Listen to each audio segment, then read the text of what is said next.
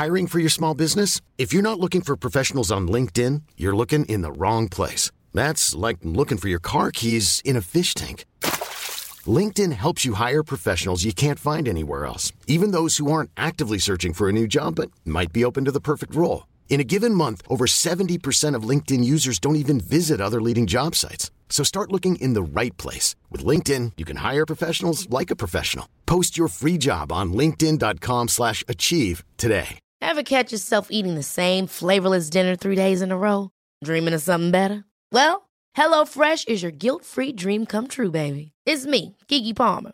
Let's wake up those taste buds with hot, juicy pecan-crusted chicken or garlic butter shrimp scampi. Mm. Hello Fresh. Stop dreaming of all the delicious possibilities and dig in at HelloFresh.com. Let's get this dinner party started.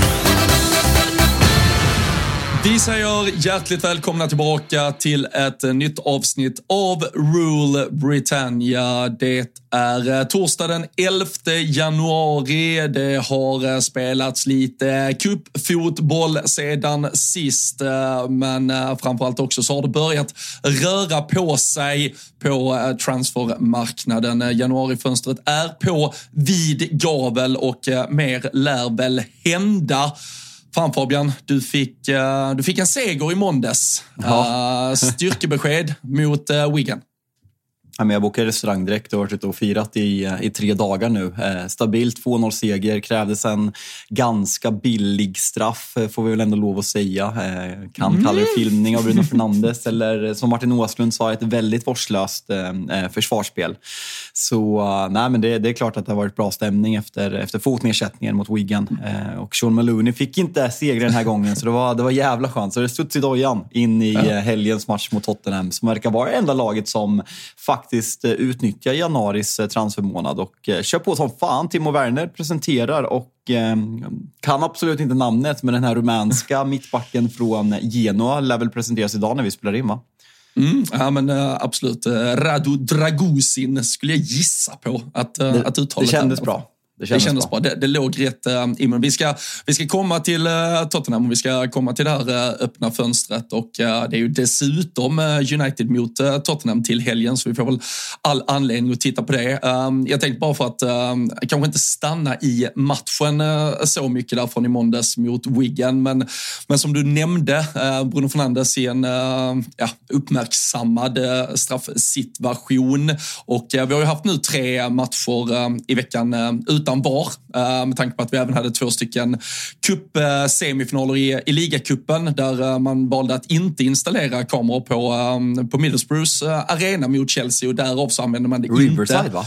Riverside, absolut. Och därför använder man ju inte det då för, för Liverpool Fulham heller, fast att såklart finns att tillgå. Men det skulle väl vara rättvisa där. Hur, eh, vi pratade förra veckan om, eh, eller senaste avsnittet om, eh, om liksom fotboll utan VAR kontra, kontra med VAR. När, när man då ändå, hur, hur är, alltså nu var det ju till er fördel så att säga. Och den, den är väl inte hundraprocentig åt något håll. Men, men blir man inte lite 60-talist samtidigt också direkt det är tendens till lite förstärkning, filmning och känner här borde vi ha ett system som håller lite koll på de här filmerna. Jag kände ändå på något sätt, sen beror det väl på att ingen bryr sig jättemycket om Wiggen kanske. De ligger väl på 18 plats i League One och eh, har inte så högljudda folk på Twitter. Men alltså det är klart att Bruno fick skit på sociala medier och liksom av, eh, av Martin Åslund och Niklas Holmgren som kommenterar för att han, den enorma förstärkningen. Men likväl så kändes det liksom att debatten efteråt var så här, men det är typ att folk tycker typ att det är skönt att det blir diskussion, lite diskussioner istället. Men att man kan köpa det för att det inte finns VAR istället för att den där straffen hade ju kunnat stå med VAR också. Då blir det ju mer diskussioner och mer hat om den liksom står kvar eller tas bort med VAR. För det går ju att argumentera att det är straff, det går att argumentera att det inte är straff. Vad ska krävas? Det är ju en jävla hårfin linje där när det är den där kontakten. För jag tycker på något sätt, Martin Åslund är inne på det, sånt där försvarsspel, jag som försvarsexpert i Rule Britannia, jag tycker att det ska straffas. Alltså, så där mm. får man inte gå in i straffområdet. Och sen samtidigt tycker jag att det ska krävas mer för att bli straff. Att det ser patetiskt ut när Bruno får en touch på, på vristen och slänger sig och skriker och ont i smalbenet. Men jag landar i att jag inte tycker att det är straff. Men jag tycker ändå att det är skönt att man slipper jag menar att, att debatten blir VAR-baserad. Sen är jag så fruktansvärt trött att prata om VAR, men eh, mm. det är väl där jag landar. Att acceptansen, det, det känns, sen skulle väl det kanske vara i ett halvår, att man typ tycker att det är skönt att det inte diskuteras när det ska bli rätt. Att man liksom accepterar det. Sen efter ett halvår skulle man ju vara tillbaka på att gnälla på domare och säga att domare är dumma i huvudet som det är i allsvenskan om vi skulle ta bort VAR. Så liksom det är en det är liksom en, en jävla labyrint som det inte går att hitta rätt i, eh, om man ska vara helt ärliga. Men eh, det, var, det var ändå skönt på något sätt att se den gamla fotbollen om man får vara liksom 90-talist som, eh, som generation. Eh, folk födda på 20-talet kommer använda 90-talist som ett skällsord om, om, om 30 år, så där, där är vi nu.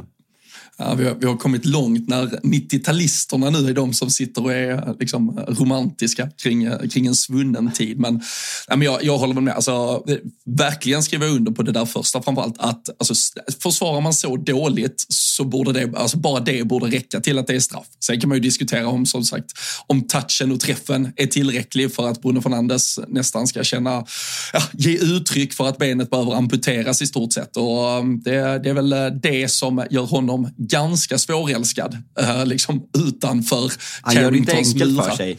Nej, verk, verkligen inte. Och så förstår jag, alltså, vill man då framförallt dra upp ett äh, Liverpool-kort så, så var det ju inte mer touch på en Diogo Jota för två veckor sedan eller tio dagar sedan eller vad vi hade. Men alltså, han, kom, ändå, om, om han kom samtidigt förlåt. i fart. Han kom ju ändå exakt, i fart exakt. det. Exakt. Om man ska försvara honom, även om jag liksom... Är den där diskussionen orkar jag faktiskt inte ha, men där är det ju fart. Han, jag, jag vet inte, det, det, är ju svårt att analysera. Han kanske inte kunde stå upp, även om det ser jävligt parodiskt ut när man ser den, den situationen bakifrån. Men Bruno Fernandes, det, det är ju en tokfilmning. Alltså det går ju ja. inte att komma ifrån. Och liksom jag, jag gillar ju Bruno på många sätt, men jag förstår ju att Ja, men det är väl typ Premier Leagues mest illa omtyckta spelare just nu, eller? Ja, det, det vad känner du som motståndarsupporter där? Det är ingen som gillar honom som inte håller på United. Nej, nej, alltså absolut inte. Och, och det är ju lite, alltså nu kan man väl absolut också argumentera för att de senaste, eller senaste året i alla fall så har det varit mer eh, liksom, svaga insatser eh, kanske, men, han har ju liksom stundtals visat hur jävla briljant han Alltså sett till vilken ändå kapacitet han har i sig så, så tror jag alltid det kommer att vara svårt för honom att alltså, bli typ hyllad för det fotbollsmässiga. Jag tror bortom United-led så är det bara allt det andra som får uppmärksamhet. För att, alltså han, är inte, han är inte tillräckligt bra, om du förstår mig rätt, för att kompensera för det. För att ändå få med sig en, en majoritet som bara accepterar honom som fotbollsspelare. Känns inte heller som att han har gjort det i Portugal. Alltså, där hade det kunnat vara ett ja, men ett andningshål lite ifall han hade presterat i ett mästerskap eller något. Där hade han kunnat få den upprättelsen. Trots hur jävla bra han stundtals har varit i United så svårt att säga. Sen är det ju såklart också på grund av tidsmässigt ett United utan, mer eller mindre utan titlar i alla fall. Så um, ja, han kan, eh, det kan nog vara att eh, hans karriär kommer att summeras och han kommer nog ja, men ignoreras lite för det fotbollsmässiga med tanke på allt runt omkring känns det som.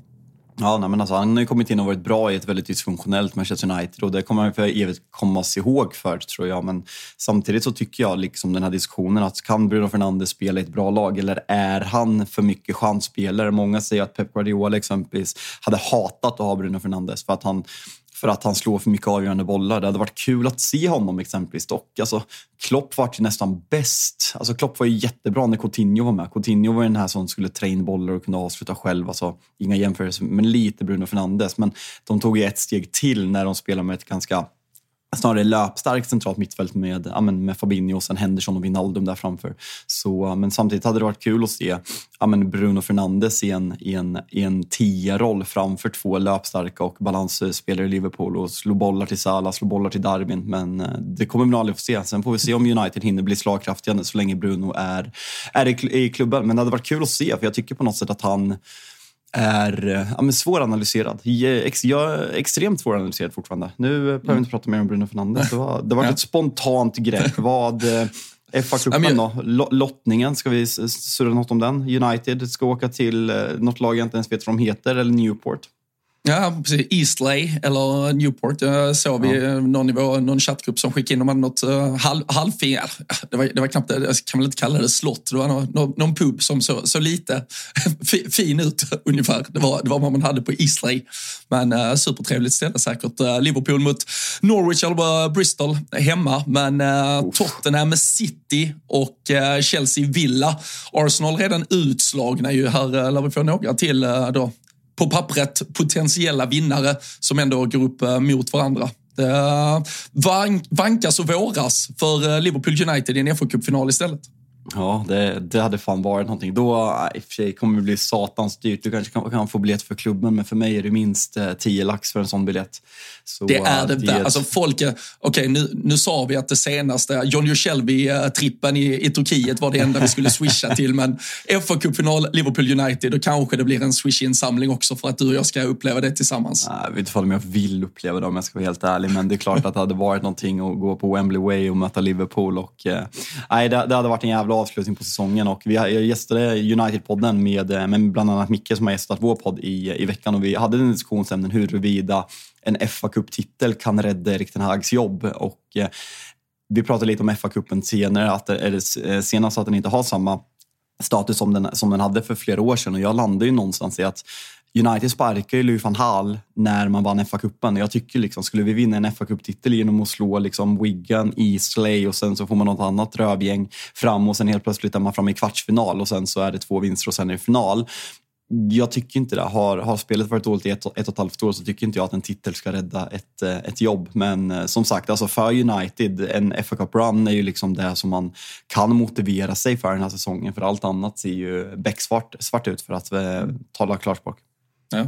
Så du, eh, på tal om att uh, Bruno Fernandes troligen aldrig lär spela i uh, Liverpool-tröjan, såg du Gary Neville prata i, i Sky om hur han hade försökt gå in och, och fjäska lite för Steven Gerrard efter att han hade, han hade gjort den där U-svängen, bokstavligt talat, eller ja, ordagrant, på motorvägen ner mot London, valt att stanna i Liverpool. Men när Gary Neville förstod att det ändå kanske bubblade någonting i Gerrard, då hade han väl varit framme, vad är det, EM 04 som spelas anställd i Portugal va? och eh, knackat på på rummet och kollat liksom. Alltså, jag hörde att du sket i Chelsea, men alltså United, vad säger du? Uh, så Gerard hade bara delat “It was a polite fuck off”. alltså, jag tror Gary har berättat om den här tidigare någon gång, men jag såg det nu i The Overlap som, eh, ja, ja, men de pratade avslappnat och de pratade mycket roliga ämnen. Bland annat Roy, Roy Keane fick prata om sitt avsked till Manchester United och, eh, och, och så vidare. Nej, men det är, att, det är ändå kul att Gary Neville går. Hur, vad hade Gerard för... Han är alltså född 85. Eh, vad hade han för status 2004 eh, innan, innan liksom, eh, han har väl vunnit den, den så kallade... han, är inte född, han är inte född 85 Nej, 80, 81. Nej, ja, fan, tänker jag, jag, jag, tänker, jag tänker Krickan. Han, han är 23 där alltså. Jag, jag som Precis. får, får hjärnsläpp 80-81 någonstans. Han är född. 79 kanske till och med. Ja, skitsamma. Eh, men vad, vad har han för status där? Han har vunnit Kalle Anka-trippel 00 va? 0001? Kalle Anka-femlingen, låt mig vara tydlig. det är, det är två stycken, både inhemsk och europeisk eh, supercup där också. Ja, de är säsongen efter. Ja, ja men det vi bakar ihop all, allt. ja. vanns under tre sexiga sommarmånader. Men, men vad hade han för status i Liverpool eh, där?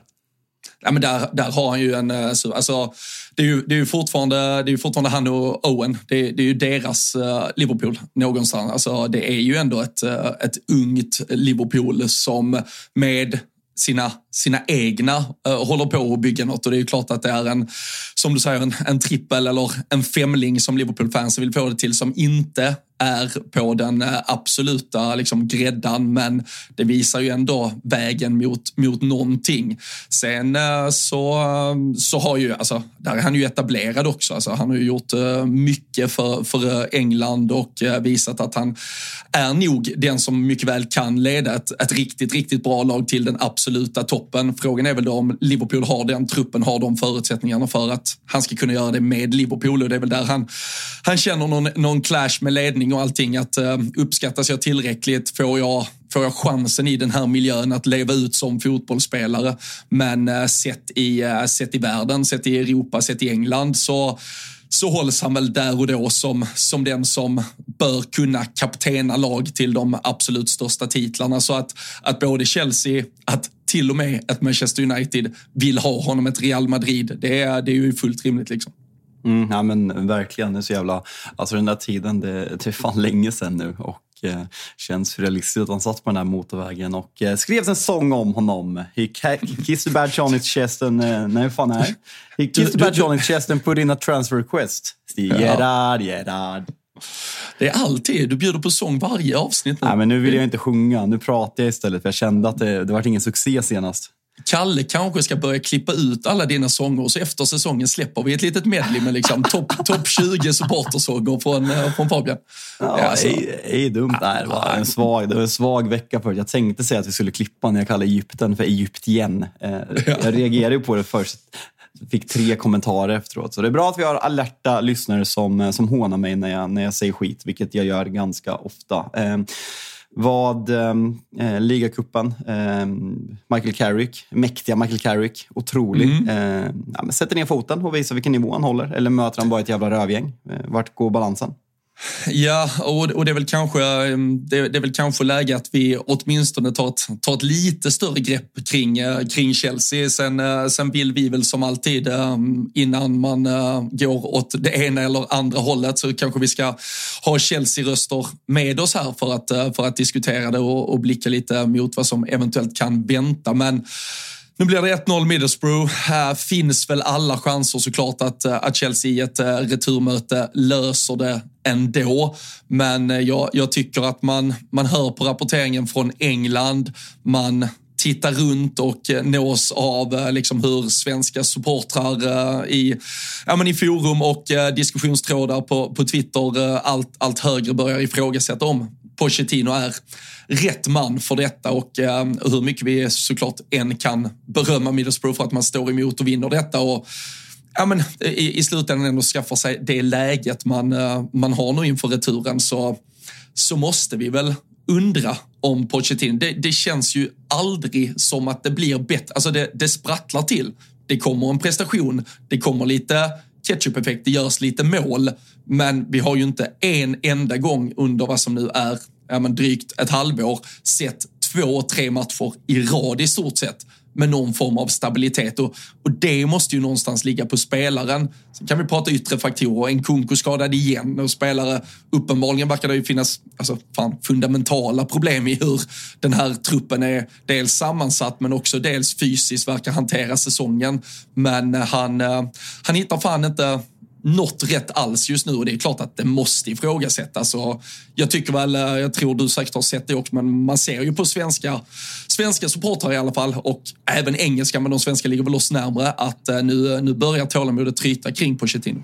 Mm, nej, men jag såg en tråd igår där eh, Chelseas eh, svenska, eh, den svenska Chelsea-podden skrev frågan liksom öppen vad folk ser på Pochettinos eh, framtid och det var väl liksom ja, men nästan 75-25 till att folk har tröttnat. Jag såg, såg Stefan Riddervall, eh, ja, men, om man får säga Chelsea-profil på Twitter, tidigare ishockeymålvakt, eh, också var tydlig, om det var i förrgår, att han har tröttnat ganska rejält på Pochettino och vill se en förändring på tränarbänken. Och, tycker Pochettino, alltså hela Chelsea-diskussionen är så jävla svår och det, det, är lätt att dra paralleller till Manchester United, men det går att kolla på underliggande och se att man, ska, eh, att man är bättre än vad tabellen visar. Sen likväl går det att kolla på skadorna, men Liktväl går det även såklart att kolla på men, miljarders miljarders eh, spenderade pengar och att det inte ser bättre ut och att man slutade 11 förra året och att man typ ligger på samma position nu och vi har spelat halva säsongen och det är inget annat än ett stort jävla skämt. Och eh, Pochettinos tränargärning, vart, vart har vi den? Hur, hur bra är han? Och jag känner mer och mer att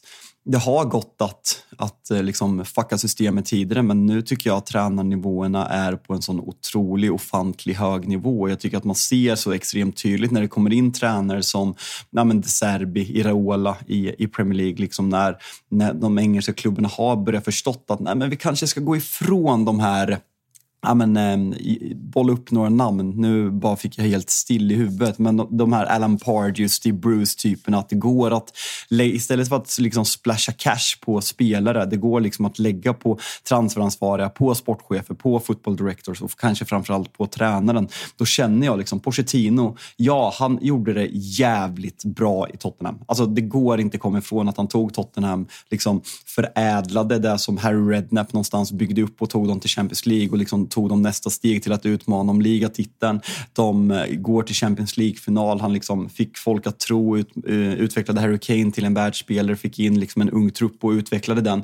Men det sista året efter, alltså vår, våren man gör i Champions League-finalen när man går dit är katastrofal i ligan. Eh, hösten innan han får sparken är katastrofal i Tottenham. Han går till PSG, lyckas, misslyckas med att eh, vinna ligan. är väl typ den enda PSG-tränaren som har gjort det, om jag inte helt fel ute, sen de fick liksom Qatar-pengarna. Och nu är vi här. Vart, vart landar det i Pochettinos status som tränare? Om vi bara liksom lyfter blicken och pratar hans tränargärning. För han har inte gjort något bra på... Vi börjar närma oss... När spelade ni Champions League-final? Det är fyra, fem, år, sedan. Sex år snart. Ja, exakt. Ja, exakt. Nej, nej, Nej, Nej, och jag tror eh, det, det måste man vara, där ska man vara ganska försiktig för jag tycker också det är det som kanske eh, skiljer de, de riktigt eh, bra tränarna från de som man ändå inte kan räkna med garanti från att går vi tillbaka och tittar på Pochettinos senaste 10-12 år så är det med en upplaga Tottenham. Han har gjort det bra. Sen kan vi diskutera dessutom typ hur bra. Man, man utmanar om en ligatitel, eventuellt när Premier League kanske är som allra sämst i, i samma veva som Leicester går och vinner. Mm. Man, man tar sig till en Champions League-final där man med millimetrar och eh, mirakulösa liksom, eh, ja, vändningar och återhämtningar först tar sig förbi City, sen tar sig förbi Ajax. Det är såklart, det ska ju creddas lika mycket. Herregud, jag kan ju sitta annars och liksom, ska jag ignorera att Liverpool lyckas med en mirakulös vändning mot Barcelona och så vidare. Så det är klart att det, det är ju någonting han ändå gjuter in i den här gruppen och lyckas göra möjligt. Så det ska vi inte bara ta ifrån honom, men det är fortfarande med väldigt mycket marginaler. Och det är som sagt med, med samma Den gruppen, den lyckades han med. Han lyckades aldrig återfå eller ingjuta ny energi, ny entusiasm i det laget efter misslyckandet i Champions League den våren. Han har inte visat efteråt att han har byggt, det är det jag tycker är så imponerande med de här absolut bästa tränarna. Att tittar vi bara i, i, i ligan just nu med de som är under de, om man säger på pappret absolut bästa, med, med Emery. Han har gjort detta han har gjort det tio gånger. Han har fått ett Sevilla upp på toppen, han har fått ett Villarreal upp på toppen, han har fått ett Aston Villa upp på toppen. Det är nya grupper, nya miljöer och han lyckas ändå. Klopp, visst, det är, det är en annan hylla, men han gjorde det två gånger om i Dortmund, han gör det två gånger om i Liverpool. Han håller på att bygga liksom Liverpool 2.0 Den gör nu är ju helt otroligt. Alltså så här, det, det ska ni ha jag såg det inte komma om vi bara tar Klopp. Alltså, no, det gjorde det inte är jag så heller. jävla... Du tippar om etta, men det var såklart lite raljant kanske. Men alltså det Klopp gör den här säsongen med ett helt nytt, nykomponerat mittfält, ja, det är så fruktansvärt jävla imponerande. Ja, och det, vi kan komma mer till liksom Liverpools trupp sen när vi pratar lite från gårdagen. Men, men det är där jag menar med Pochettino. Titta, fast att han har, han har haft ganska bra jobb, han har legat ganska mycket uppe i topp av olika tabeller. Så, men det är ett lag, det är en grupp han tog till den absoluta toppen. Annars har han aldrig gjort det igen. Och det är ju faran då, då har du inte, alltså du behöver nog ha gjort det. Vill du som Chelsea vara ett lag som utmanar om Premier League-titel om Champions League-titel, då måste du nog ha en tränare. För du väljer ju uppenbarligen att bygga en jävligt spretig grupp. Så det finns ju ingen garanti på att Pochettino är mannen som alltid får ihop grupper. Han har fått ihop en. Så det är ju inte helt säkert att han kommer få ihop denna. Då hade jag nog hellre tittat på en tränare som har visat sig få ihop tre grupper, fyra grupper med fyra, fem års mellanrum kanske. Och eh, nej, det verkar ju tyvärr inte som att, eh, eller tyvärr, men då pratar jag ur ett Chelsea-perspektiv, som att eh, Pochettino får ihop den här gruppen. Nej, och det där är jävligt intressant och något man pratar ganska lite om. Det där var Fergusons styrka, att han var så fruktansvärt bra på att liksom göra olika lag och gjorde det under så lång tid med olika, liksom, när fotbollen såg ut på olika sätt. Och liksom att, man, att man finner nya sätt att utveckla sig. När Pochettino var i PSG var det ju liksom snacka, men han har inte tillräckligt liksom stor pondus för att liksom, eh, ah, få respekt av spelare som Neymar, Messi och Mbappé. Nu har han ju en väldigt, ja, men om man drar parallellerna till det Tottenham-laget som han hade så är det ju ganska, alltså det är ju få världs... Även om alla i stort sett har varit pissdyra. Den enda riktiga, riktiga världsstjärnan i det där laget är väl, men Reece James går väl att argumentera för. Annars är det väl Thiago Silva. Sterling Thiago Silva, såklart. Ja, alltså annars är det ju väldigt... Alltså Enzo Fernandes borde inte ha huvud som en världsspelare. Moises Caicedo har varit i Brighton och så liksom spelat i colombianska... Är han från Colombia eller Ecuador? Ecuador. Ja. Ecuador. Ja, jag, såg, jag, jag, fick upp en tröja, men jag, jag fick hjärnsläpp. Nej, jag, så, jag, jag, jag har klämt den här eh, sexdelars eh, VM-dokumentären på Netflix. Han gör ju tydligen, han gör, eh, han, han gör ett av målen för Ecuador. Jag tror det är sista. Han nickar, va? Sista, nickar in mot Senegal, ja. Exakt. Ja, så långt har jag kommit också. Jag har inte, mm, sett, inte sett klart den. Nej, men det är ju väldigt unga, liksom, Mudruk, Nkoku, Niklas Jackson. Alltså det, det, är inga världsspelare om vi säger så, i den där backlinjen, Colwill och så vidare. Ni kan Chelseas lag. Så det, det borde ju på pappret vara ett lag som passar Pochettino bra eftersom det var ett sånt lag han gjorde bra med med Tottenham. Men, och det var nog lite därför de tog honom också. Men nej, fan det har inte fallit väl ut får man väl absolut lov att säga och det syns här. Men jag har inte sett Eh, så mycket röster tidigare men nu efter förlusten mot eh, mäktiga Michael Carrick så såg jag ändå ganska många som höjde rösten. Och vart, alltså, våra vänner borta på um, Tutto Balutto, Thomas och Gusten pratar ju ofta om den här waiting list supreme bland tränare. Eh, och liksom, det finns inte så jävla många tränare på den där waiting-listen Supreme. Är det Graham Potter de ska tillbaka till? Liksom, Zidane kommer ju aldrig ta Chelsea. Vad, eh, vad finns det mer? liksom? Nej, nej alltså det, det, det är väl det som är problemet vet jag inte. Det kanske är för en gångs skull kanske det fan är frälsningen för Chelsea att de måste ge det lite tid. Eh, och så får vi väl se om det kan utmynna i något bättre. Men jag tror, hade det suttit tre starkare namnmässiga fotbollstränare på den där uh, bänken och väntat vid sidan av just nu, då, då hade mycket väl Todd Bowley redan agerat. Men, men det är ju inte riktigt någon, uh, som säger, det, det är Graham Potter och det är för att uh, Chelsea själva skickade honom. Sen, sen samtidigt så gör man ju det movet förra säsongen, att man ändå köper ut Potter från Brighton och som du också nämner så tycker jag väl att lag generellt bör titta väldigt mycket mer på att investera lite pengar kanske i sin tränare och inte alltid lika mycket i sina spelare. Så det är klart att, att Chelsea fortfarande har förutsättningar, de har eh, historia, de har namn, de har någon form av tyngd som gör att de kan locka trä. Så skulle de gå till Irola i Bournemouth och säga vi vill ha dig, vi är beredda att betala det här till Bournemouth så, så kan de såklart lösa det. Men där finns ju inget, där ligger ju inte ett äh, utspritt äh, pussel äh, och massa bitar som man bara kan plocka ihop utan man måste nog bryta upp något någonstans i så fall. Och då är det väl vem som är sugen och det, det är ju det som också börjar tala till Chelseas nackdel just nu när, när Potter som kanske var där De Serbi-typerna där Irola-typerna var, eller där de är nu var han för ett år sedan. Han gjorde den där resan och nu sitter han och ja, ryktas till ett svenskt landslag ungefär. Så jag tror också att Irola och den här typen av tränare drar öronen till sig när Chelsea kommer. Så de, de börjar sätta sig lite i skiten. Så jag tror, fan, jag tror de mm. måste hålla i Porsche säsongen ut. Sen om det är rätt eller fel och vad det kommer leda till, det vet i fan. Men uh, de kan nog inte göra mycket på tränarmarknaden uh, redan här halvvägs tror jag. Vad, vad, är din analys gällande det där? Jag har haft eh, diskussion med ganska många gällande exempelvis, som där du är inne på med Chelseas och Manchester Uniteds status samtidigt som båda klubbarna har en historia, eller har byggt upp en historia, kanske Chelsea. Liksom. Chelsea har alltid sparkat tränare men ändå vunnit, så det är inte samma sak som Manchester United. United är ett ännu mer extremt exempel post Alex Ferguson, men Chelsea under Todd Bowley är liksom snarare på en ännu värre nivå. Jag hävdar ju liksom att Roberto De Serbi Kommer Manchester United och knackar i sommar, han kan inte tacka nej. Det är Manchester United. Eh, nu låter jag som Gary Neville känner jag. Och mm. likt väl liksom Chelsea, alltså marknadsvärdet, klubbvärdet.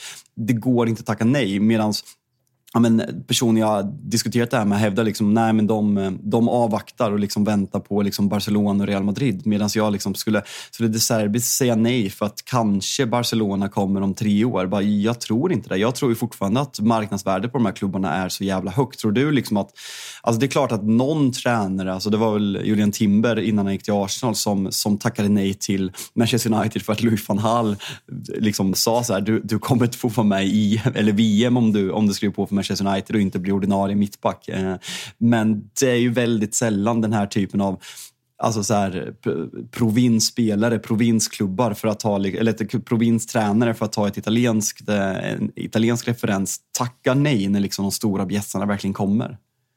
Nej, och, och där tror jag också att eh, uh, man, man, måste förstå att, uh, alltså, att, att bara sätta sig på uh, Old Traffords uh, tränarbänk, att, att någonstans sitta på samma plats som Sir Alex och så vidare och kliva in för ett fullsatt Old Trafford och, och bara man är. Och, alltså, nu börjar det väl också, nästan, det har nästan gått varvet runt, så nu kittlar det väl till och med kanske ännu mer i att vara tränaren som tar United tillbaka till den där absoluta toppen. Alltså snacka om, alltså nu har du ju jättemycket på att till och med vinna på att ta Manchester United.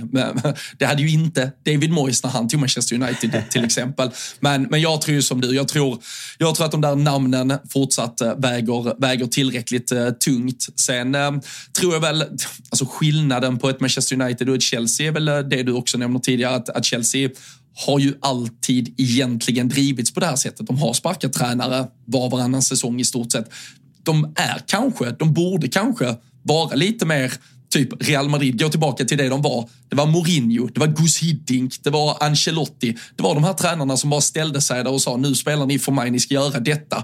Inget jävla processtänkt, inget jävla tanke på var vi ska vara om två år eller vi ska utveckla ett ett visst typ av spelsystem och så vidare. För den tiden ges nästan aldrig i Chelsea. Så, så kan, just nu känns det som att Chelsea slåss lite, jag kan tänka mig både internt, rent om vi går till ett styrelserum, jag tror också supportrar gör det. Var vill de vara? Vill de ta kanske den snabbare vägen upp i en topp som vad den kommer innebära vet jag inte. Eller vill man på lång sikt försöka bygga något nytt? Det känns inte som att man har helt landat i vad fan man vill göra där. Ehm, jag tror ju att Manchester United, det tycker jag ni har visat i höst när ni ändå har stått kvar vid Ten Hag, att ni vill bygga något, att ni vill lita på Ten Hag. Det verkar ju som att Ratcliffe, Ineos, att alla nu står bakom honom. Får vi se om det bara är snack och om det bara är ett spel. Men, men i så fall verkar ju United vilja bygga något framåt. Där är jag inte lika tydlig, eller jag får inte känslan av vad Chelsea vill på samma sätt. Nej, alltså det, det där osar Sen alltså Ineos, det är för tidigt för dem att sparka och jag tror att det där spelar roll, liksom, att det inte finns så mycket på, på listan när jag liksom tar in en interim eller interim säsongen ut. Jag vet inte om det ger så mycket så jag, jag, skulle inte säga att jag ser så mycket förtroende kring dem för att de liksom har möte med honom och man hör citat i media så kommer det liksom dåliga insatser mot Tottenham i helgen till att börja med så de inte match på länge så tror jag att han börjar hänga lös på riktigt för det går inte att komma ifrån. Vi, kom, vi åkte ut i en enkel Champions League-grupp, vi ligger åtta eller sjua i Premier League. Ehm, det, det, är patetiskt dåligt och vi har inte liksom spelat bra på nästan ett år så jag tror att det är närmare vad man tror även gällande Manchester United. Ehm, jag, ja, ehm, Gällande, gällande matchen igår då. Eh, mm. du ska inte, jag ska hålla dig inte för långrandig, för det orkar jag inte. Vad, eh, vad eh, intryck av matchen, Liverpool-Fulham? Nej, men att äh, ett Fulham som äh, återigen gör det, gör det fan rätt bra mot Liverpool. Äh, kan väl också argumentera för att Liverpool inte... Var det 4-3 senast eller? 4-3 senast. Ja. 2-1 slutade ju igår. Jag kikade lite på det. Det var, det var ju innan denna matchen då, så, så Klopp får ju ändå en seger till. Men äh, jag kikade Marcus Silva. Jag fick bara liksom känslan av att fan Klopp, han, han har haft det lite tufft. Som så här, han, de har mötts åtta gånger. Liverpool eller Klopp har vunnit fyra. Äh, Marcus Silva har ändå löst tre kryss och vunnit en gång, men jag bara jämförde med Marcus Silva mot Pep Guardiola. Förlorat 12 av 12 liksom. Så han har ju ändå Marcus Silva har ändå hittat någonting som gör det lite jobbigt för, för Liverpool och Klopp. Det, det får man ju ge, ge honom och ge laget. Men, äh, ja, men Liverpool äh, alltså inleder första halvlek bra, sen, äh, sen tappar man ju lite fart på det. Fulham bra i sitt omställningsspel, utnyttjar ett, äh, det är ett misstag från van Dijk och bollen till slut bara droppar in i straffområdet. Så Fan, alltså, måste berömma William. Fy fan vad man inte såg i sig att han skulle vara 35 år gammal och extremt seriös i ett liksom,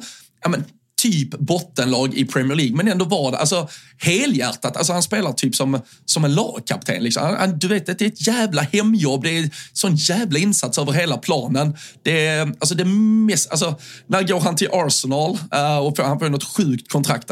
Typ fyra år sedan kanske? Ja, något Ish. sånt. Och, och alltså, sen och bryter kontraktet, går tillbaka till Brasilien och bara så här, nu, nu är det slut. Alltså, såg du bilderna som kom upp på Neymar? Neymar satt ju i en jävla talkshow. Hade ju absolut lagt på sig 10 kilo. ja, och det, och det är ju så det ska se ut. Det är så den brasilianska fotbollskarriären alltid har fungerat. Det är så vi vill ha den. Men uh, Marcus, eller vad säger Marcus Silva, bara för att prata om honom. Men, men William, han, uh, det är en antites just nu som ja. bevisar att något annat är möjligt. Så jag, jag blev såklart inte glad att han gör 1-0, men jag, jag blir någonstans glad att han, att han finns och i det formatet som han just nu existerar. Har vi några mer exempel om vi bara får liksom eh, spåna? Alltså, Thiago Silva räknas inte. Han, han, känns, han känns obrassig i mentaliteten och är dessutom mittback. Lucio spelar väl också ganska länge, eh, har jag väl känslan av. Har, har vi någon ja. som... Alltså, hur många brassar har varit kvar i Europa, Europa så alltså, länge? Nej, det är nog inte många. Alltså, Marcelo är ju kvar. Nu spelar han ju i Fluminense, men uh, alltså, spelar han ju verkligen. Lång, och, han hade en lång karriär. Liksom. Verkligen. Men det där är ju, alltså, kollar du, alltså, om vi bara liksom Alltså, Bebeto Romario lite före våran tid liksom på högsta nivå, men liksom Romario spelar inte i Europa samma gammal. Ronaldo var ju mycket på grund av skador, men han liksom slutade tidigt. Eh, Ronaldinho, var liksom, vad var han när han gick till Milan och sen checkade ut efter det? Han var ju inte ens 30 Adriano ska vi inte ens prata om. Hulk har ju liksom, ja, men aldrig visat sig på högsta nivå egentligen. Eh, han var ju liksom i, vann i Porto ett tag och sen gick han väl till Ukraina och Ryssland och massa skit. Va? Exakt. Eh, aldrig varit liksom... i en topp fem, nej han kan aldrig ha varit i en topp fem-liga ens. Nej, jag tror inte det. Eh, de, är fan, alltså, de, är ob, de är så jävla... Det, de, de, är ju inte allihopa, men det är ju verkligen en kategori som är helt obrydda av vad de egentligen åstadkommer, alltså om man säger fotbollsmässigt i form av titlar. Eh, utan det, det, det är gnugget som ska göras. Sen ska de hem och vara stjärnor med alla pengar de har. Ja, verkligen. Nej, men jag lyssnade på en United-podd. Där pratar de om eh, Andersson. Han lever liksom, på, nej, men lever liksom på en strand och eh, lever livet, dricker öl, hänger med polerna, spelar Fifa. FC24. Så jag fel igen. Förlåt. ja, exakt. Men, eh, nej, men alltså sen Liverpool, jag tycker vi, vi, vi växer ändå in i matchen, gör tidiga byten i andra halvlek, eh, slänger på både Nunes och Gakpo, uh, får, får en helt annan fart. Uh, alltså, Ryan Gravenberg, äh, på, på, tal om spelare som det holländska landslaget äh, inte, inte riktigt är sugna på kanske beroende på hur det går för dem framåt.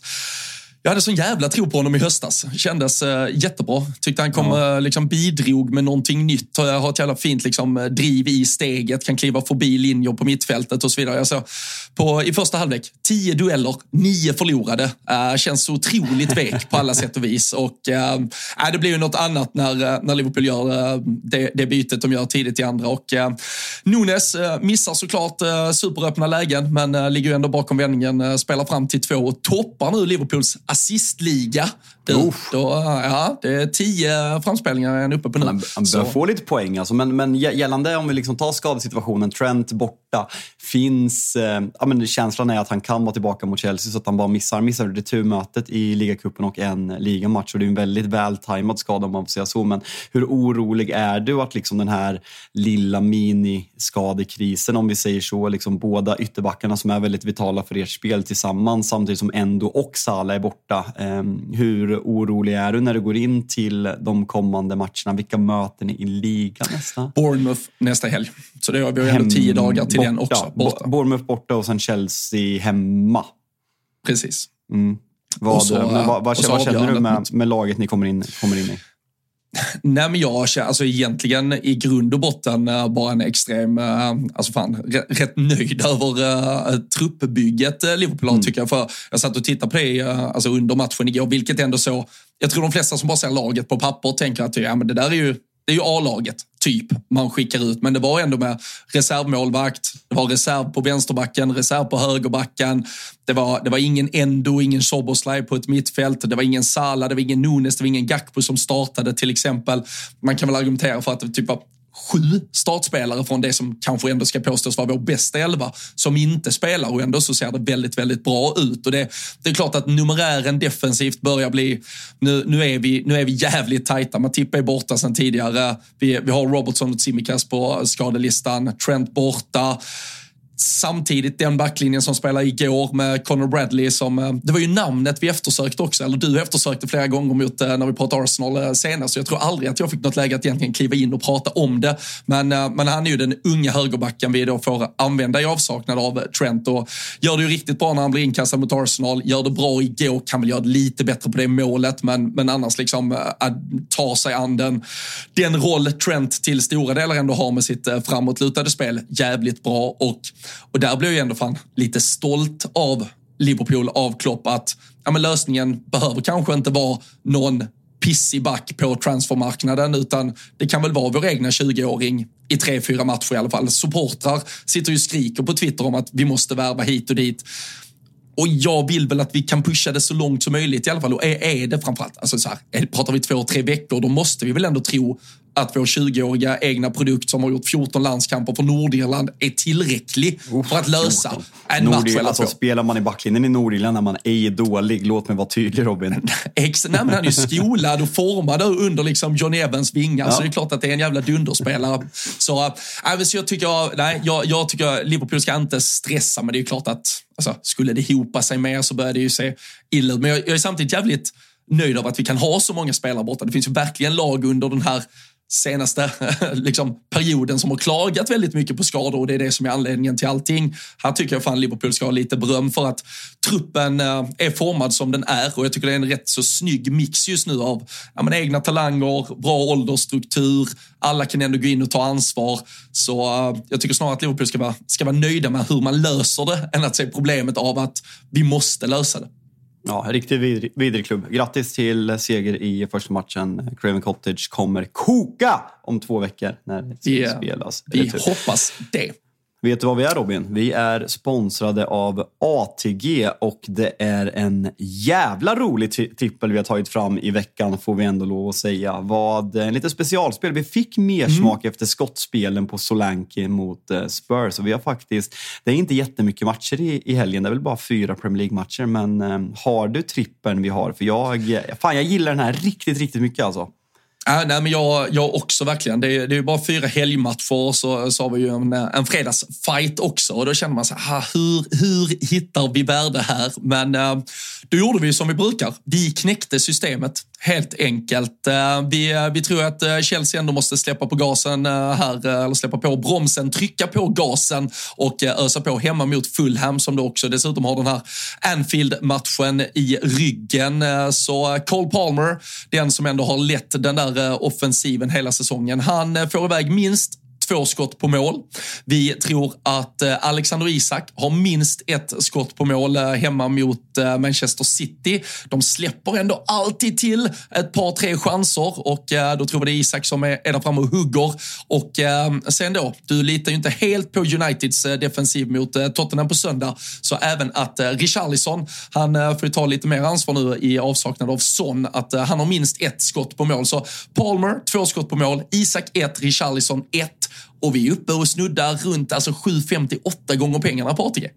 Ja, nej, men det, här, det här är faktiskt eh, riktigt kul och eh, skott. Alltså det, det, det, det, märkte vi i den där matchen när man satt på nyårsafton och kollade Spurs mot, eh, mot Bournemouth. Jag kollar inte på matchen, jag kollar bara på Solanke, skott på mål. Det, nej, men det, det ger en krydda till matchen. Liksom Chelsea-Fulham kanske liksom inte är helgens höjdpunkt. City, eh, City som ska åka till eh, St. James' Park eller eh, Tottenham som ska komma till Old Trafford, det är liksom mer matcher man ser fram emot. Men att sitta och jobba skott på mål, det är jävligt kul. Och eh, precis som vanligt kör vi Big Nine system också. En, en trevlig kupong precis som vanligt och det är redan, jag tror att det är fem av eh, 15 andelar sålda. Så de kommer gå åt precis som vanligt. Så skynda på att köpa en på om ni, eh, om ni vill rygga mitt system. För jag känner att det är dags där. Och eh, alla spel tillsammans med Marcus Tapper och Tuttosvenskans Big Nine-andelar, Thomas Wilbacher och Olenklints spelandelar finns som vanligt på atg.se tutto. Och man måste vara 18 år för att spela. Har man problem med spel finns stödlinjen.se till hands. Ja, så är det. Eh, du, jag tänkte eh, på tal om, eh, vi nämnde Solanki jagade vi skott på här inför nyårsfirandet. Alexander Isak ska vi jaga skott på nu. Lite surr i England, så The Telegraph var ute med att Newcastle eventuellt tittar på just Solanki. Börjar bli tight på nummer nio-positionen i, Newcastle i så fall. Jag vet fan om det är just en striker de behöver, även om Solanki såklart kan, kan väl höja kvaliteten i, i många lag med tanke på det målskyttet och formen han är i. Men eh, fan, Callum Wilson och Isak och addera Solanki. Eh, ska man spela tre stycken renodlade nior i stort sett? Och sådana här eh, nyheter som man, liksom fönstret är ju öppet och det börjar smälla i silly som vi varit inne på Spurs och det här ryktet från The Telegraph som ändå är en bra källa. Vart, vart följer man det på bästa sätt? Det gör man på våran Instagram där man uh, söker upp Rule Britannia Podcast. Man följer det och uh, gör man det typ idag så kanske man blir följare 2000 också tror jag. För det är typ uh, 8-9 pers kvar vi behöver. Så det är väl in där och eh, så får man ju del av både eh, ja, men, rykten som eh, florerar där ute. Vi, vi gör ju lite källkritisk sortering så att liksom inte all jävla smörja dyker upp där. Men lagom seriösa rykten. Det är inte Sportbladets silly season-podd. Förlåt, det är inte, det, det är inte Indy Kaila heller. Inte riktigt. Nej, näst, nej näst, inte riktigt. Näst. Men, men Solanke, alltså frågan är hur mycket man ska bygga i liksom att det är liksom 1 plus 1 är 2, gamla liksom Eddie Howe i Bournemouth, om man ska dra liksom den kopplingen. Jag vet inte, alltså Solanke har gjort succé den här säsongen och eh, jag har svårt att se det här ske. Vad värvades han? Det var väl typ 20, 25, 30? Eller vad fan kostade? Ah, 20 miljoner. Jag tror, jag tror inte vi lyckades blåsa dem på mer. Nej, men alltså, det, nej, men det kändes ju liksom som att Liverpool fuckade systemet där, men liksom skulle Solanke efter den här säsongen lämnar just nu så är vi säkert uppe på 40, vilket, är, vilket såklart är helt sjukt. Men skulle Newcastle värva där när man har Callum Wilson där som en backup till Alexander Isak eller liksom tänkt långsiktigt att han är en ersättare till Callum Wilson samtidigt som Alexander Isak kanske går ut lite mer till vänster. Sen samtidigt då har Anthony Gordon till vänster. Jag ser inte det här hända, eh, men eh, nej, det är väl inte Newcastle. Newcastle har så jävla svår Alltså truppbyggnad, om du sa liksom att Liverpools truppbyggnad var jävligt bra så liksom kollar man på Newcastle. Och det här är så, som, såklart liksom ett, ja, ett ilandsproblem så det sjunger om det. Men det känns som att på många positioner har de stabila, bra spelare. Liksom, eh, ja, men, Dan Burn, sen kan ju Livramento ta den platsen långsiktigt. Du har Joel Linton som, när han är som bäst, när han är den här liksom bollvinnande, vidriga mittfältaren så är han helt otrolig. Bruno Gimares är väl, om man kollar nu, alltså den enda som liksom är på yttersta, yttersta världsklass. Alexander Isak kanske också, Kieran Trippier såklart, Sven Bottman kommer nog bli det. Men annars känns det som att det är så här, nej, men det är tre plus spelare. Och det är så här, alltså för att utmana om ligatiteln, liksom inte Premier League-mässigt tre plus. Tre och en halv plus spelare på de flesta positioner. Och det är så jävla svårt. Hur mycket pengar ska man lägga på att ja, men att ersätta de här exempelvis. Alltså Almiron, jättenyttig truppspelare, ska han vara ordinarie i ett lag som ska komma på Champions League-plats nästa år? Nej, det, det tror jag inte. Eh, så det, det, är svårt, liksom, Newcastles truppbygge överlag. Vad som krävs för att förbättra. För man har gjort det liksom jävligt bra sen, sen Saudi-pengarna kom in och värvat smart. Men det är svårt när man ska ta det där steget för att liksom börja klättra och liksom kika på nästa, nästa hylla. Ja, och där är väl, de är väl i omvänd situation till om vi hade diskussioner med Manchester United och ifall ni fortfarande kan värva i stort sett vilken tränare ni vill och mer eller mindre kanske vilken spelare som är. Newcastle kan ju, alltså då, då måste du då måste du pusha den, den, den, ekonomiska dopingen så hårt så att det är pengarna och inget annat som gör att spelaren inte kan tacka nej helt enkelt. Och så måste du kanske göra det så pass aggressivt så att du under samma fönster lovar de feta lönekuverten till tre, fyra spelare och förklarar för Alltså, låt mig bara leka med namn, men du förklarar för Neymar och ja, spelare X, Y, någon.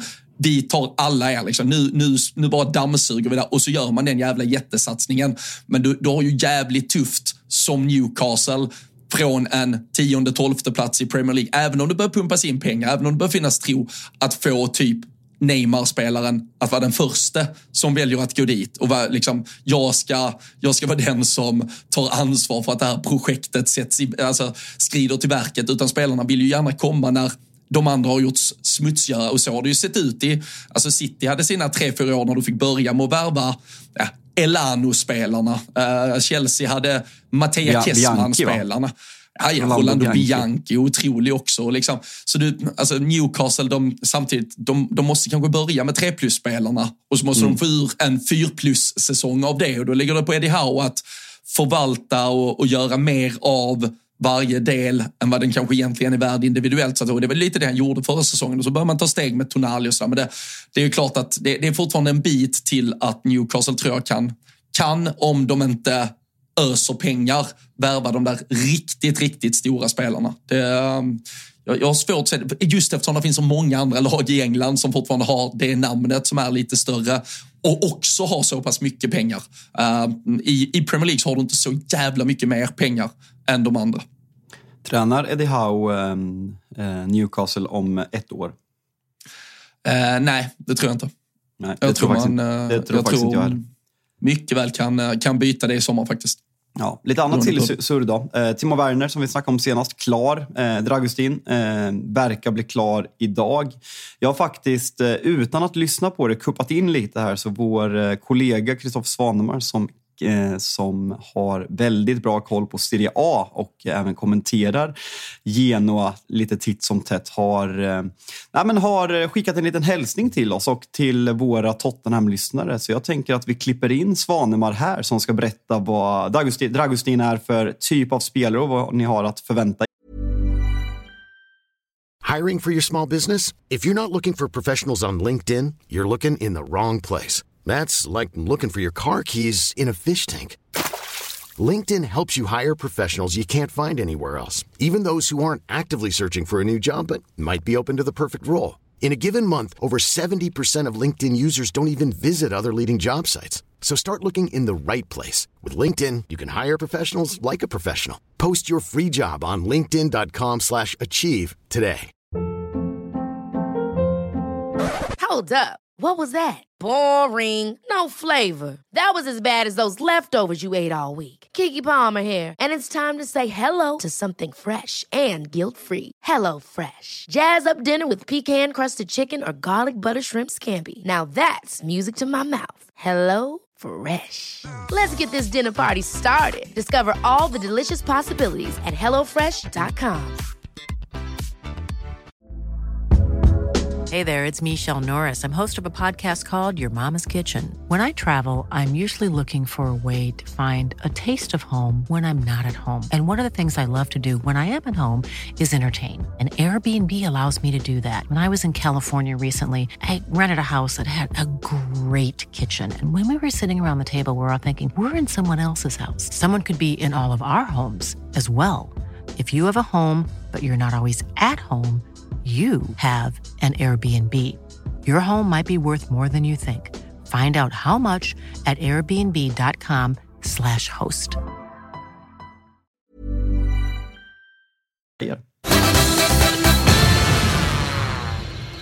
Vem är då Rado Dragosin undrar ni? Ja, det ska jag berätta för er. Det är en eh, 21-årig, snart 22-årig rumänsk försvarsspelare och jag säger faktiskt inte mittback då Rado Dragosin kan spela både till höger och till vänster, även om han trivs som allra bäst i mitten. Och eh, det kan väl låta som eh, ganska stora ord, men nog har jämförelser dragits till van Dijk som ju också är eh, hans förebild, men det är också en spelare som man faktiskt liknar ganska mycket. Han är eh, lång, över 1,90. Han är stark som satan i kroppen.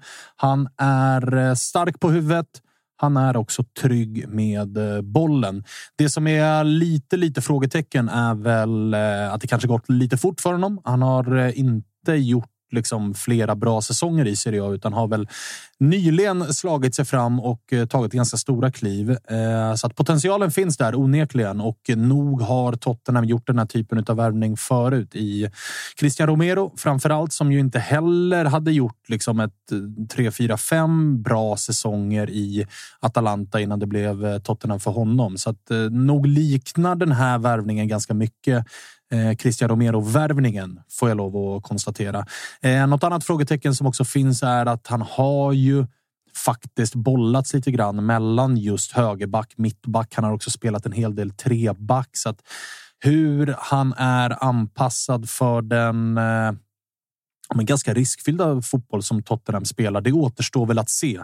Alltså Genoa är trots allt en nykomling i Serie A. Man har fått Eh, spela ganska mycket försvarsspel så att nog finns det lite frågetecken, men på pappret så är det ju en jävla kanonvärvning på alla sätt och vis. Så att eh, lag som Bayern München och Napoli också försökte snå åt sig eh, Dragosin säger ju en hel del om vilken potential som finns i spelaren. Att han går in från start och är hur jävla bra som helst. Ah, det kanske man inte ska räkna med.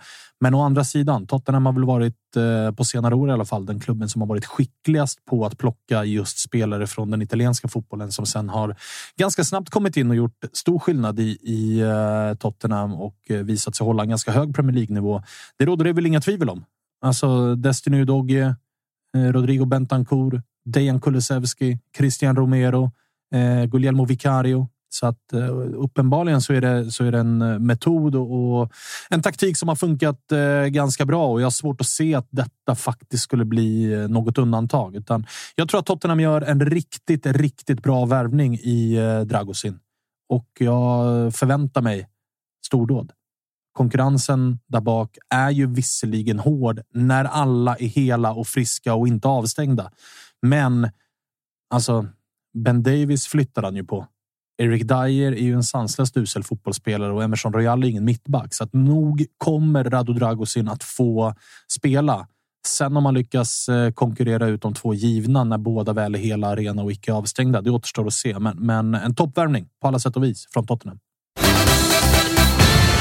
Nej, men det låter väl ändå ganska förtroendeingivande och, eh, och hoppfullt för, eh, för alla Tottenham-supportrar. Det, det, har ju varit stökigt varje gång egentligen, framförallt såklart när både Romero och van de Ven har varit eh, borta. Men, eh, men det är klart att direkt man har tappat eh, en av de brickorna så, så har det ju öppnats hål defensivt. Nu är, väl, nu är väl frågan om han eh, konkurrerar bort någon av de här eller hur man eh, ser på det eller om eh, de är tre som lite mer ska snurra. Det var ju fan anmärkningsvärt. Jag vet inte hur mycket du har hängt med i det, men han verkar ju ha haft ett ja, men minst lika lukrativt bud från Bayern München men tackade alltså nej till det för att välja Tottenham istället. Det är ju fan fotnedsättningen då från Spurs.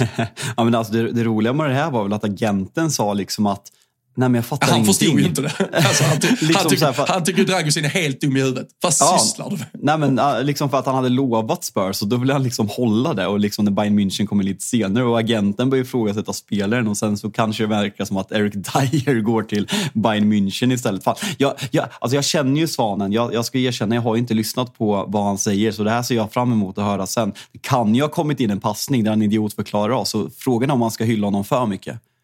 Äh, vi, vi ska väl vara försiktiga, det, det tenderar. Men, äh, men vad fan, det, det man får ge Tottenham här i alla fall är ju att de faktiskt har ett uh, otroligt uh, hitrecord också, alltså i, i närtid från uh, Serie A. Om vi tar uh, Christian Romero, uh, Dejan Kulusevski, Vicario senast, Udogie som via, ja precis, han är väl ändå den som ändå inte har tagit det där sista steget riktigt det är Spurs, mycket, alltså, Han blir ju korsbandsskadad. Alltså, jag, tycker han, ja, men exakt. jag tycker han typ är deras bästa spelare innan skadan. Och eh, känslan är väl, om man får spekulera, att en viss avstängd italienare sitter liksom där som en marionettdocka och liksom styr trådarna uppifrån från någon, något jävla hem med någon eh, kodad jävla satellittelefon eller vad, vad de känner italienska, du? De italienska burner-telefonerna, de, eh, de florerar på gatorna. Det, alltså, det, det, är ingen, det är ingen högoddsare att eh, Paratici eh, sitter där och eh, styr ganska mycket fortfarande. Speciellt när man ser liksom vad, vad de fokuserar sina värvningar på. De har ju visat att det finns jävligt... Liksom, Christian Romero var väl liksom från en annan hylla men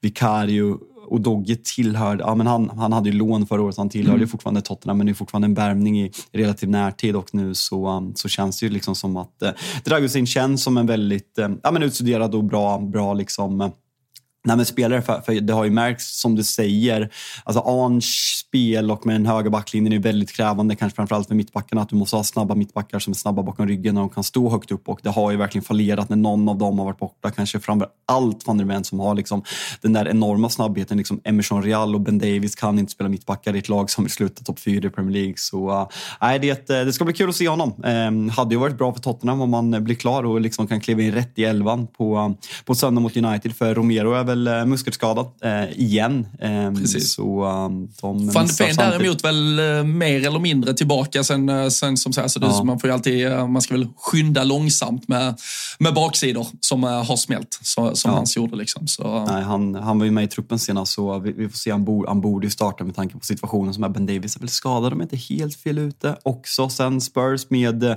nej, med ett centralt tremannamittfält där i, i stort sett, nej, men ah, hela ordinarie tremannamittfältet med Sar, Bentancourt, eh, Bissoma och James Madison är ju borta. Så det är tur mm. att Bentancourt är tillbaka efter, var det men fan var det Matty Cash överfall va? som de ville liksom stänga av ja, på livstid för? Det var när vi var i England. Alltså den, den, den skedde ju på, medan vi stod på puben. Så det var inget vi, det var inget vi tog del av allt för mycket. Ja, just men, det, den där Så var det. Men, eh, men eh, Timo Werner också klar sedan sist. Vi var ju inne på honom och vad han eventuellt kan bidra med, så det, det behöver vi inte fastna för mycket i. Men han var ute, han, han är ju på ett lån fram till sommaren. Sen finns det en köpoption.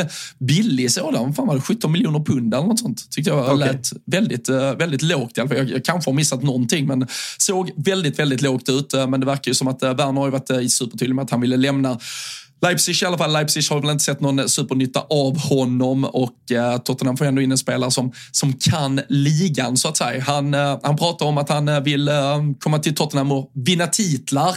Om han eh, bara stannar ett halvår så ska man i så fall eh, minst eh, här slå ut eh, City först och främst för att kunna gå hela vägen i FA-cupen eller så ska man äta ihop ett par poäng i ligaspelet. Tror du Timo Werner har chans att vinna titlar i Spurs under våren? Nej, det blir nog jobbigt för eh, vår, eh, vår kära tysk. Nej, men eh, Spurs är ju faktiskt... Nu har vi, nu har vi varit snälla och klippt in svanen här, ska vi börja snacka skit om Spurs. Vi får, vi får vara försiktiga med vad vi säger, men Spurs är ju med all respekt inte kända för att vinna så jävla många titlar. Så är det ju. ja, ja, så är det. Vad fan har vi?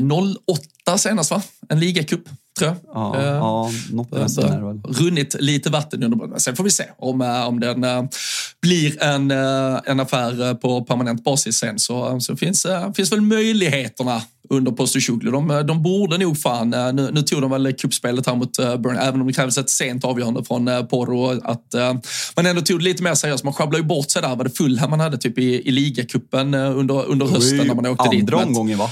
Ja, men det var ju supertidigt för man kom ju på, ja, man fick som säger, man fick ju kliva in innan de andra Premier League-lagen och så roterar man bort sig lite och, och sköt bort. För det, där tycker jag ju, den typen av kupper, alltså kommer du typ till Europa League, spelar du ligacupen, det tyckte jag ändå Klopp, just för att eh, nu, nu har ju Postecoglou kanske lyckats injicera tro och hopp i det här laget på andra sätt.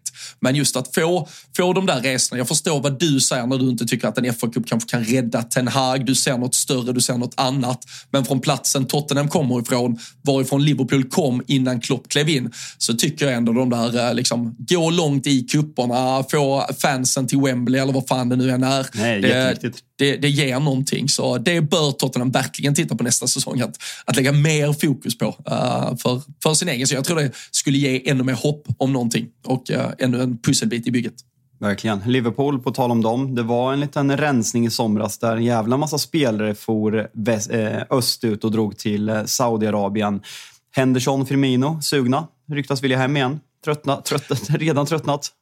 Ja, jag såg de har, de har väl uppehåll till typ mitten av eh, februari. Det tycker de väl i och för sig är rätt så gött. Men jag har sett eh, Jordan Henderson och, eh, åkt skidor och Firmino och Fabinho var ju på plats eller tillbaka i Liverpool. Firmino såklart jobbat. Det gör man väl inte. Man får väl inte ta betalt kanske. Men han har ju extra knäckt i någon kyrka där på, på Merseyside som han väl är kopplad till på något sätt. Det är, du vet, det är bilder på Instagram nu. Det är kyr, kyr, kyrkmässor var varannan jävla dag här. Men Jordan Henderson verkar ju vara den som är minst sugen på att pipa tillbaka. Uh, han var den som absolut kanske förstörde mest av att sticka dit och ett halvår senare så uh, verkar han ju slänga krokar till höger och vänster. Det pratas Celtic, Ajax, skulle väl absolut kunna bli aktuellt med något Premier League-lag lite lägre ner i uh, tabellen, men uh, fan vet om han inte är persona non grata i uh, England.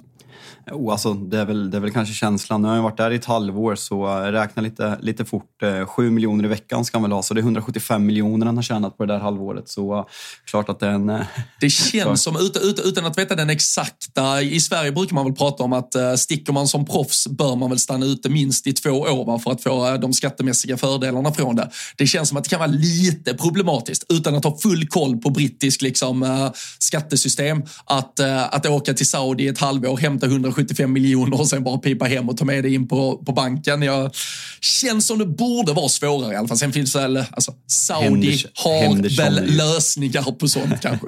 Henderson är ju bra på att fucka systemet i känslan. Alltså en riktig ska, alltså Henderson kommer ju, alltså Messi och Ronaldo åkte dit för skattebrott i, i, i Spanien. Alltså känslan är Henderson, han är en bra jävla revisor som fuckar systemet åt honom. Ja, fy fan. fy fan vad man känner sig liksom, eh, som, uh, när man driver sin lilla, uh, sin lilla egna verksamhet och är lite halvnervös om man bokför någonting fel och så ser man dem där från Spanien alltid så här, ah, men det är 130 miljoner i något skattefiffel hit och så vet man, det händer ändå ingenting. Det, det har aldrig någonsin blivit ett vettigt Nej. straff på någon som har skattefifflat i Spanien. Det, där, där, där, där lever man på, på andra premisser. Nej. Vad, eh, helgen då? Eh, spelledigt. Vad, eh, vad känner du? Ska du, njuta, ska du njuta? Det är fan ganska bra matcher som jag var inne på. Alltså Newcastle City och eh, United Tottenham. Jag, jag som sagt, jag gästar United på den. Jag tippar 3-0-seger. Sen kom vi på att vi inte kan göra mål, men fan, det är ju bra läge att möta Spurs i. Det går inte att komma ifrån. Sen är vi lika mycket skador vi och liksom spelar borta, men fan, det, det, är en bra chans att slå Spurs i alla fall. Så det är väl något att... Det är helt sjukt att man Nej, men att man ska gå in och vara taggad inför matcher. Liksom efter Villa-matchen, bara fan nu ska vi möta Nottingham. Nu, nu är man taggad, man bygger liksom upp det och sen gör vi den jävla plattmatchen. Ska vi möta Wigan och tro fan idag kanske vi kan spela lite underhållande. Och liksom, vi var ju klart bättre, men så här, det är ju inte underhållande att se. Jag blir suicidal när jag ser Marcus Rashford spela fotboll exempelvis. Och nu liksom, börjar man så ja men Spurs har många spelare borta. Det kanske kan bli kul, men sen kommer man sitta där på söndag och vilja liksom, ehm, ja, men, ehm, tycka att det är jobbigt igen och liksom Spurs kommer säkert kontra in någonting och Richarlison kommer göra mål så vår trippelsitter. Men nej, det är ett, ehm, på förhand borde kunna vara underhållande match i alla fall. Ja, nej, men verkligen. Framförallt eh, rätt så skönt ändå. Det kanske eh, framförallt finns liksom respektive i olika familjekonstellationer som tycker att eh, man, man, kan ju faktiskt kanske unna sig att bara fokusera på eftermiddagsfighterna, både, både lördag och söndag. Så man har liksom för en gångs skull tid att göra något av helgen. Det brukar man ju inte ha annars. Så det är li lite skönt att få lite andrum, tycker jag ändå. Och, eh, ja. och sen laddar man upp mot uh, vad som väntar. Men uh, vi plockar som vanligt ner den här helgen. direkten är färdigspelad. Vi är snart tillbaka igen med ett nytt avsnitt och kommande veckor så ska vi fylla på med lite fler gäster också. Vi ska ja, men ta lite, vi hade ju höstens lag. Vi tog lite liksom så här, var är vi i tabellen? Men men eh, vi ska väl eh, ta lite lagavstämningar också här vad det lider, vad, vad lagen känner. Och framförallt Chelsea känns ju verkligen som att vi eh, måste få in röster från för att höra hur deras tankar i förhållande till våra går kring Pochettino. Mm, nej, men det, det, ska bli jävligt kul. Alltså, tanken kan vi väl avslöja egentligen att vi har tänkt att bjuda in så att vi kör fyra lag två veckor i rad, när det spelas inte så mycket fotboll, när det är lite uppehåll, att vi kör två avsnitt och sen tar igenom oss eh, ja, men fyra lag med återkommande gäster. Vi har haft det, vi liksom kör fyra lag, vi mallar upp liksom förväntningar för säsongen, status på tränaren, målsättning, höstens spelare och så vidare. Så det ser jag fram jävligt mycket emot när det inte är så mycket matcher. Så uh, ni, eh, ni hänger med helt enkelt. Ni följer oss på sociala medier, ni ger oss bra betyg och sen så prenumererar ni på Spotify eller Podcaster eller vilken podcast-app ni följer eh, podden på så att ni inte missar någonting. Och glöm inte Tutolaj Weekend i helgen. Glöm inte Spelpodden med Thomas och Olen som kommer på fredag. Det är en jävla körning här och eh, Tuttosvenskan gasar på. Tutto 5 är igång. Ni följer allting egentligen. Det är, ett, eh, ja, men en jävla kör, körning på K26 som eh, vi eh, ser fram emot eh, i vår helt enkelt. Så är det och eh, vi ser fram emot att ni som lyssnar, ni hänger med. Vi, eh, vi säger tack för ännu en eh, härlig timme med lite tillägg som vi har haft här tillsammans och så hörs vi snart igen.